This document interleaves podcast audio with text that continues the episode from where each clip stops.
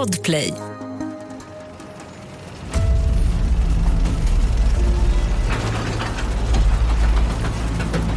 Rod känner plötsligt hur den gula lilla metallvagnen han sitter i börjar föras från sida till sida över rälsen i snabba, nästan piskande rörelser. Det är bara en stund kvar av åkturen i den nya spektakulära berg och dalbanan. Men nu känner han att den inte kan ta slut fort nog. Något känns fel. Det är inte bara hur vagnen nu börjat röra sig som bytt ut det där pirret i magen mot en hård verkande klump. Det känns också som om han inte längre sitter fast. Vagnen skakar på ett märkligt sätt och sveper för långt ut från rälsen när de i hög hastighet passerar genom en skarp kurva. Plötsligt ser han åkturens sista loop torna upp sig en bit framför honom och vännen David som sitter bredvid. Tanken på att snart befinna sig upp och ner i den svajiga vagnen gör honom nästan illamående av rädsla. Han tar ett fast grepp om säkerhetsbygeln som sitter över hans ben. Men den ger inget motstånd. Rod inser att han och vännen David inte längre sitter fast.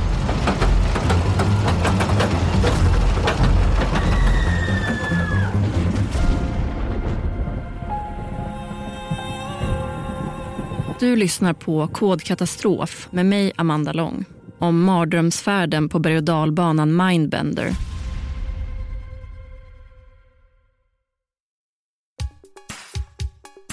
Det är lördagen den 14 juni och året är 1986.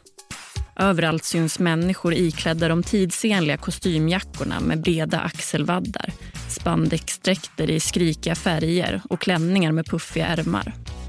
Whitney Houston har nyligen släppt sin hit How will I know och den spelas nu på repeat i både kassett freestyles och på radiostationer världen över.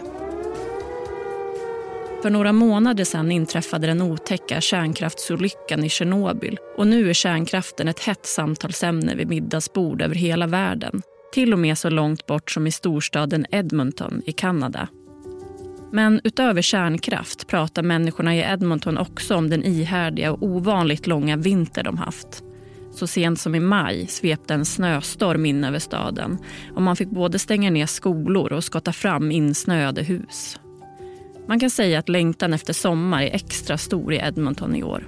Och snart ska alla sommarturister börja strömma in till hela provinsen Alberta för att paddla och hajka omkring de otroliga sjöarna omgivna av höga klippiga berg. Bland de unga i Edmonton går den där lusten och längtan efter sommar och frihet verkligen att urskilja. Några av dem är bästa vännerna 25-åriga Rod Chaco och 24-åriga David Sager. Enligt Rod själv är han och bästa vännen David väldigt lika varandra, men ändå så olika.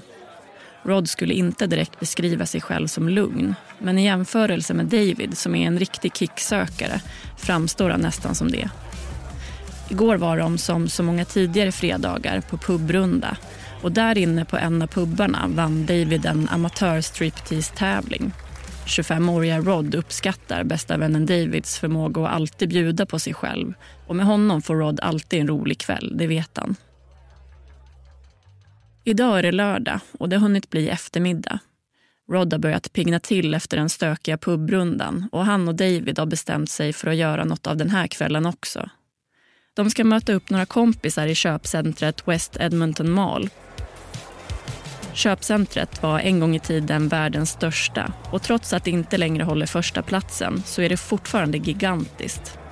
Det är ungefär lika stort som 15 fotbollsarenor, har en mängd olika restauranger och butiker, ett mindre zoo med bland annat fåglar och tigrar och håller öppet sent på kvällarna. Men utöver det har det också Nordamerikas största inomhusnöjespark det är med andra ord rätt lätt för ungdomarna i Edmonton att ha en rolig kväll på köpcentret. Och 25-åriga Rod och 24-åriga vännen David är övertygade om att den här inte kommer att bli något undantag.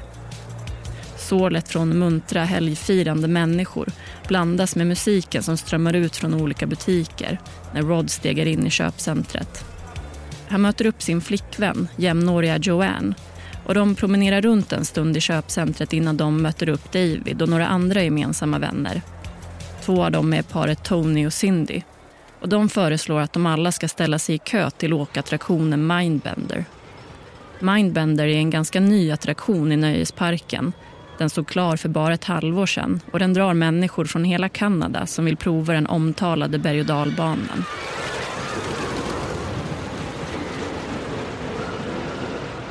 För trots att West Edmonton Mall inte längre kan stoltsera med att vara världens största köpcenter kan man nu istället skryta om just Mindbender. Den är nämligen världens längsta berg och dalbana inomhus och har inte mindre än tre stycken omtumlande loopar som en del av sin tur. Men just för att den blivit så populär får man också vara beredd på att vänta en stund. Vännerna kommer överens om att det är lika bra att ställa sig i kö på en gång. Åkturen lockar dock inte alla i gruppen trots att det satsats mycket pengar på att göra reklam för attraktionen som både spektakulär och nervkittlande är inte Rods flickvän Joanne övertygad. Hon bestämmer sig för att avstå och istället se på när pojkvännen och de andra åker. Rod, David, Cindy och Tony ställer sig i kön och Tony börjar reta Cindy lite, som är nervös. Mindbender ska enligt Nöjesparken vara en av världens säkraste åkattraktioner, påminner han henne om. Men det biter inte på Cindy, som inte kan hejda fjärilarna som nu flyger vilt i hennes mage. Hon försöker avleda tankarna genom att nynna på en av sina favoritlåtar, She's so cold med Rolling Stones. Det får Tony att fnissa ännu mer åt henne. 24-åriga David och 25-åriga Rod står framför sina vänner i kön. De är inte särskilt nervösa, utan snarare rastlösa. Kön verkar inte vilja röra sig framåt trots att det redan känns som att de väntat en lång stund. De skrattar och pratar en stund till och efter ett tag ser de att de kommit en bra bit framåt i kön nu och att det snart ska vara deras tur att stiga ombord i någon av vagnarna. Äntligen rullar ett av Mindbenders tåg in framför dem. Tågen består av fyra vagnar i olika färger och varje vagn rymmer fyra personer. De bestämmer sig för att ta sikte mot den gula vagnen. Den är längst bak i tåget som nu kört in och stannat på andra sidan av de små grindarna. Så fort de öppnats skyndar sig Rod och de andra fram och sätter sig. De konstaterar nöjt att de lyckats med sin plan. Rod och David sitter i sätena längst bak och paret Tony och Cindy sitter framför dem. När alla 16 personer tagit plats och spänt fast de små byglarna över benen lutar sig Rod lite bakåt och inväntar det där metalliska ljudet som låter när vagnarna börjar rulla. Han tar några djupa andetag. Vännerna ler åt Cindys nervösa fnitter innan ett pipande ljud plötsligt infinner sig och vittnar om att åkturen nu ska börja. Tåget börjar åka och de fyra vagnarna börjar snart klättra upp för en brant uppförsbacke det högljudda pratet mellan förväntansfulla passagerare ackompanjeras av gnisslandet från hjulen mot rälsen. Nervösa och upprymda vinkar passagerarna till sina familjemedlemmar och vänner som står nere på betonggolvet. Och tåget fortsätter och långsamt dras uppåt. I takt med att rälsen nu planats ut och de nått toppen av backen börjar sålet nu tonas ner det stannar upp helt, men innan Rod och de andra vet ordet av accelererar det plötsligt och hastigt och glädjefulla skrik hörs när det glider ner för den första branta nedförsbacken och genom en skarp sväng. Kropparna förs från sida till sida och det pirrar skönt i magarna.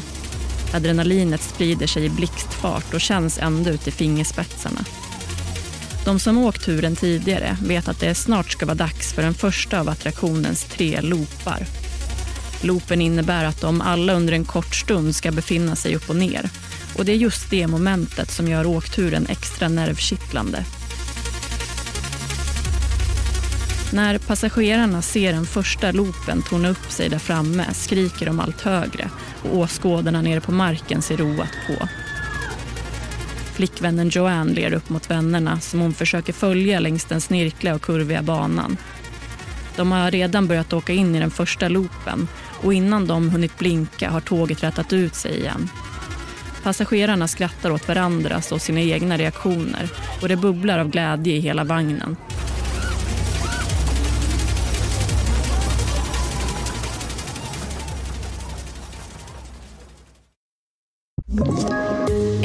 Poddtips från Podplay.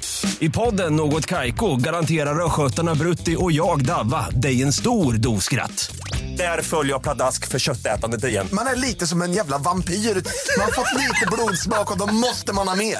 Udda spaningar, fängslande anekdoter och en och annan arg rant. Jag måste ha mitt kaffe på morgonen för annars är jag ingen trevlig människa. Då är du ingen trevlig människa, punkt. Något Kaiko, hör du på Podplay. Därför är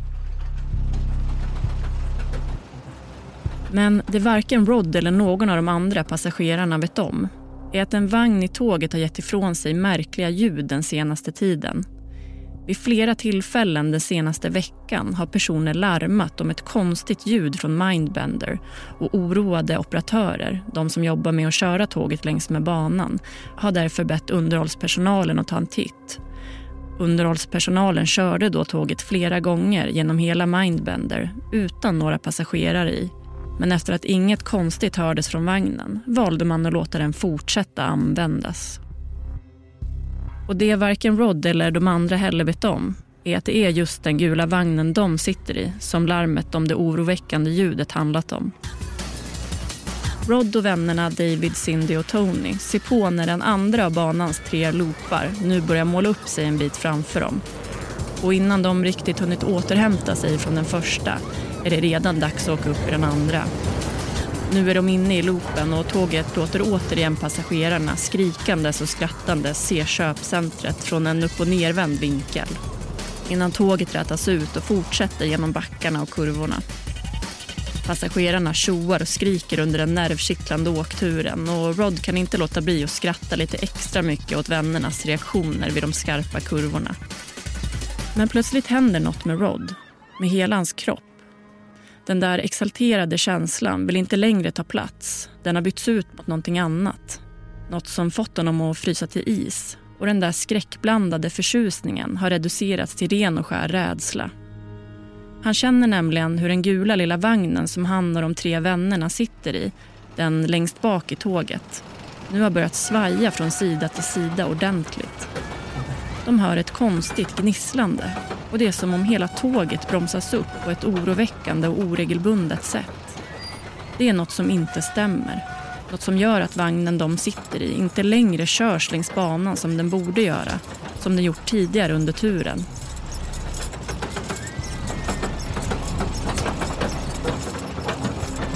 Faktum är att ett av hjulen har börjat lossna och vagnen därför börjat tappa grepp om rälsen. Nu börjar även David och de andra vännerna märka att något är fel. Men både skriken från de andra passagerarna och ljudet från vagnens undersida gör det svårt att kommunicera med varandra. Tåget fortsätter sin bana framåt men plötsligt hör Rod ännu ett konstigt ljud och känner hur de nu helt tappat fästet. Det som hänt är att hjulet lossnat och ramlat ner på betonggolvet och vagnens ena sida släpas därför direkt mot rälsen. Det konstiga ljudet låter nu ännu högre och ännu mer oroväckande. Nerifrån marken hör åskådarna hur några av passagerarnas skrik nu låter annorlunda. De är vassare och inte längre lustfyllda.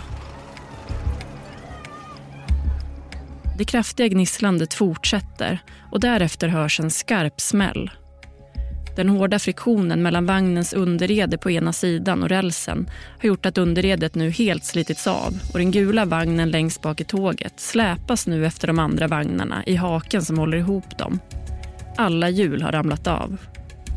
Rod greppar ett hårt tag om säkerhetsbygeln som sitter över hans och Davids lår men i samma stund som han ser den långa och branta uppförsbacken inför den tredje och sista loopen inser han att bygeln inte ger motstånd och verkar sitta helt löst. Snart ska de befinna sig upp och ner och många meter ovanför ett golv i stenhård betong. Åkturen har förvandlats till en mardröm. På grund av den skadade undersidan har bygellåset också gått sönder de fyra vännerna sitter alltså helt löst och måste nu kämpa för att klamra sig fast. Den gula vagnen gör snabba och snärtande utfall längs med rälsens sidor och ser nästan ut som fenan bak på en fisk. Rod och vännerna försöker hålla i sig så hårt de kan medan de livrädda ser hur den tredje och sista loopen kommer allt närmare. Vagn efter vagn försvinner snart upp i den höga metallbågen och passagerarna befinner sig upp och ner, fasthållna av sina säkerhetsbyglar. Men just som Rod och de andra i den gula vagnen också ska upp i loopen stannar tåget plötsligt.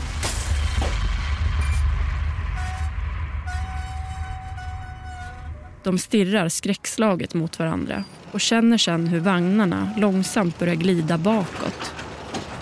Passagerarna ser nervöst omkring och bakom sig i ett försök att förstå vad det är som egentligen händer. Men i takt med att tåget nu börjar rulla i fel riktning blir det tydligt för alla ombord att det verkligen inte står rätt till. Rod och vännerna som fortfarande försöker hålla sig fast i vagnen hinner inte utbyta några ord med varandra innan tåget faller bakåt. De åker nu i hög hastighet nerför loopen och befinner sig alltså längst fram men baklänges i det skenande mardrömsekipaget. Den gula vagnen är inte ens längre på rälsen utan har hamnat på sidan av. Tåget går allt snabbare och är snart uppe i en hastighet på 100 km i timmen. Blickar dras nu mot Mindbender och vagnen längst fram som liksom hänger på sidan. Åskådarna kan inte göra mycket annat än att bara hålla andan och se på när den gula vagnen plötsligt kraschar rakt in i en tjock stålpelare. En hög smäll dånar och hela tåget stannar abrupt upp innan de fyra unga personerna slungas ut ur den gula vagnen och handlöst faller ner mot marken. Inom några sekunder möter kropparna det hårda betonggolvet och total panik bryter ut i folkmassan. Folk skyndar sig fram och försöker hjälpa de unga människorna som nu ligger utspridda i olika onaturliga positioner.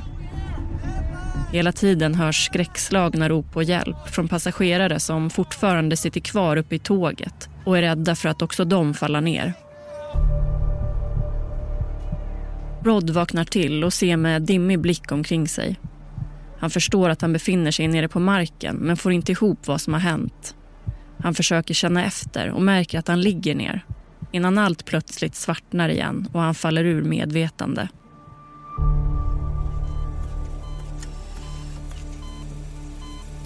Nästa gång Rod vaknar ligger han i en sjukhussäng. Han ser att stora delar av hans kropp är fastspända i olika metallställningar när han kvicknat till lite mer kommer en läkare in och förklarar för honom att han brutit nedre delen av sin rygg, alla revben på vänster sida, sitt bäckenben och båda sina fötter i fallet. Dessutom har hans ena axel och underben helt krossats. Han har så många frakturer i sina ben att de knappt går att räkna och de läkare som nu behandlar honom överväger att amputera det börjar gå upp för Rod att han förmodligen inte kommer lämna sjukhuset inom någon snar framtid.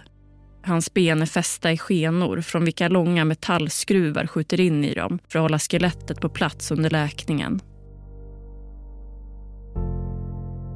Men den största smällen för Rod är varken det faktum att han kanske kommer förlora båda sina ben eller att han har en mycket lång sjukhusvistelse framför sig, utan något mycket värre. 25-årige Rod som ligger fastspänd och fastskruvad i olika ställningar får nu veta att bästa vännen, den livsglada och äventyrslystna David Sager, inte klarat sig. Han får också veta att inte heller vännerna 21-åriga Cindy och 24-åriga Tony överlevt olyckan.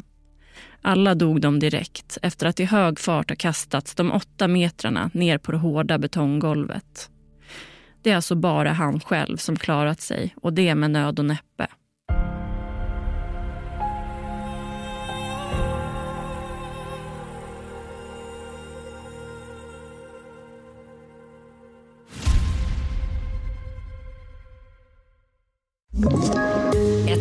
Poddtips från Podplay.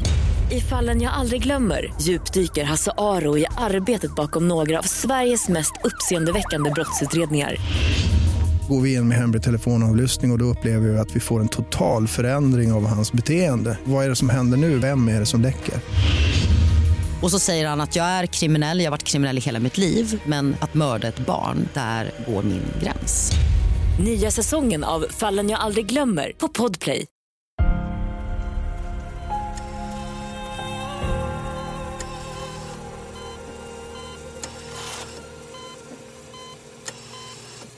En tid efteråt kommer nyhetskanalen Global News Report till sjukhuset där Rod ligger för att intervjua honom om händelsen.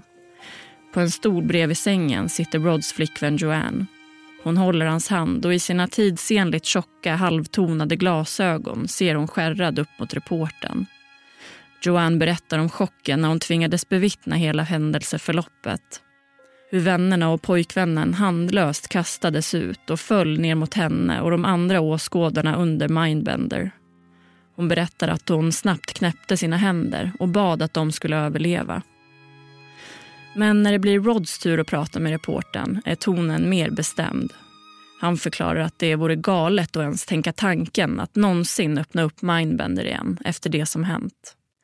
Med benen fastspända och huvudet pressat mot kudden fortsätter han säga att citat, oavsett hur mycket pengar nöjesparken förlorar på att stänga åkattraktionen kan värdet av de pengarna inte motsvara förlusten av tre liv. Slutcitat.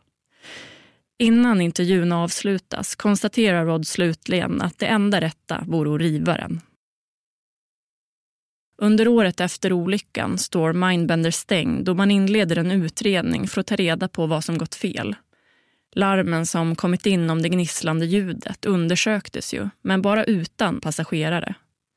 Och i och med att trycket var mindre missar man att det faktiskt var något fel på hjulen.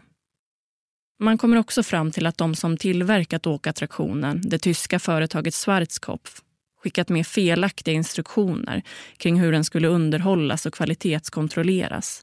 Något som delvis hade att göra med att man översatt tyskan till engelska på ett slarvigt sätt.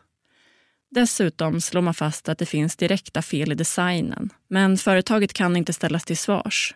För innan Mindbender skruvats ihop i Edmonton hade det hunnit gå i konkurs.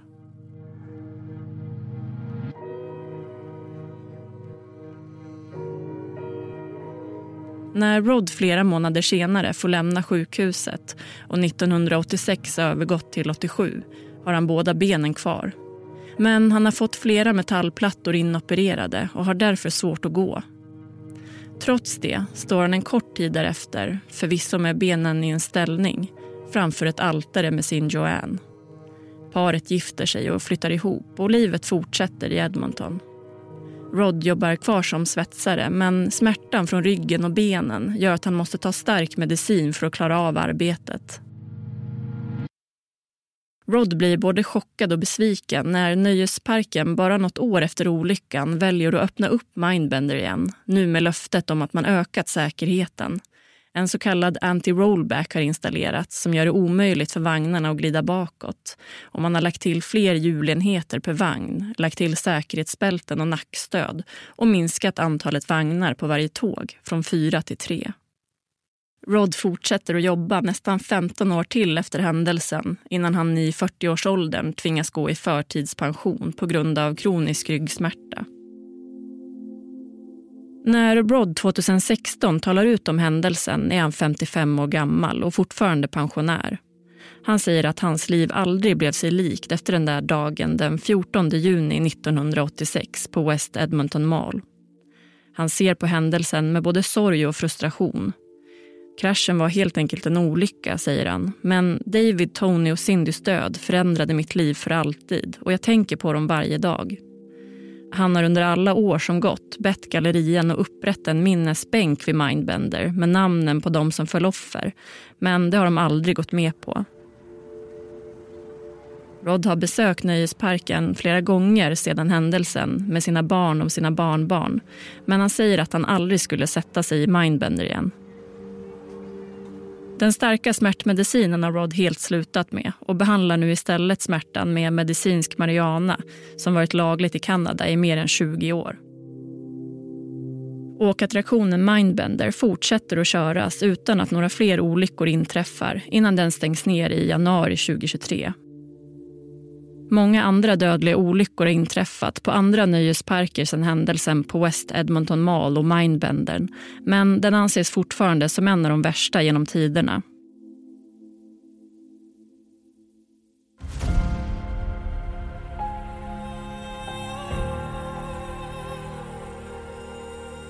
Du har lyssnat på Kodkatastrof om mardrömsfärden på berg och dalbanan Mindbender Manuset skrevs av mig, Amanda Long. Producent var Mats Liljenberg och exekutiv producent var Victoria Rinkos. I nästa veckas avsnitt av Kod katastrof får ni höra om vulkanutbrottet på White Island. Röken stiger och stiger flera hundra meter upp i luften. Turisterna tittar förvirrat på varandra och försöker förstå vad som har hänt. Och plötsligt hör de guidens bestämda röst skära genom mullret. Han ropar något åt dem gång på gång. Och när Lauren efter någon sekund hör vad det är för ord han skriker upprepar hon det tyst för sig själv. Spring.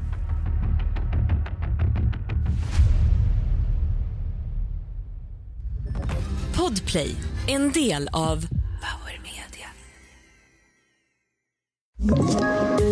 Poddtips från Podplay. I podden Något Kaiko garanterar östgötarna Brutti och jag, Davva, dig en stor dos skratt. Där följer jag pladask för köttätandet igen. Man är lite som en jävla vampyr. Man har fått lite blodsmak och då måste man ha mer. Udda spaningar, fängslande anekdoter och en och annan arg rant. Jag måste ha mitt kaffe på morgonen för annars är jag ingen trevlig människa. Då är du ingen trevlig människa, punkt. Något Kaiko, hör du på Podplay. Därför är gardinerna.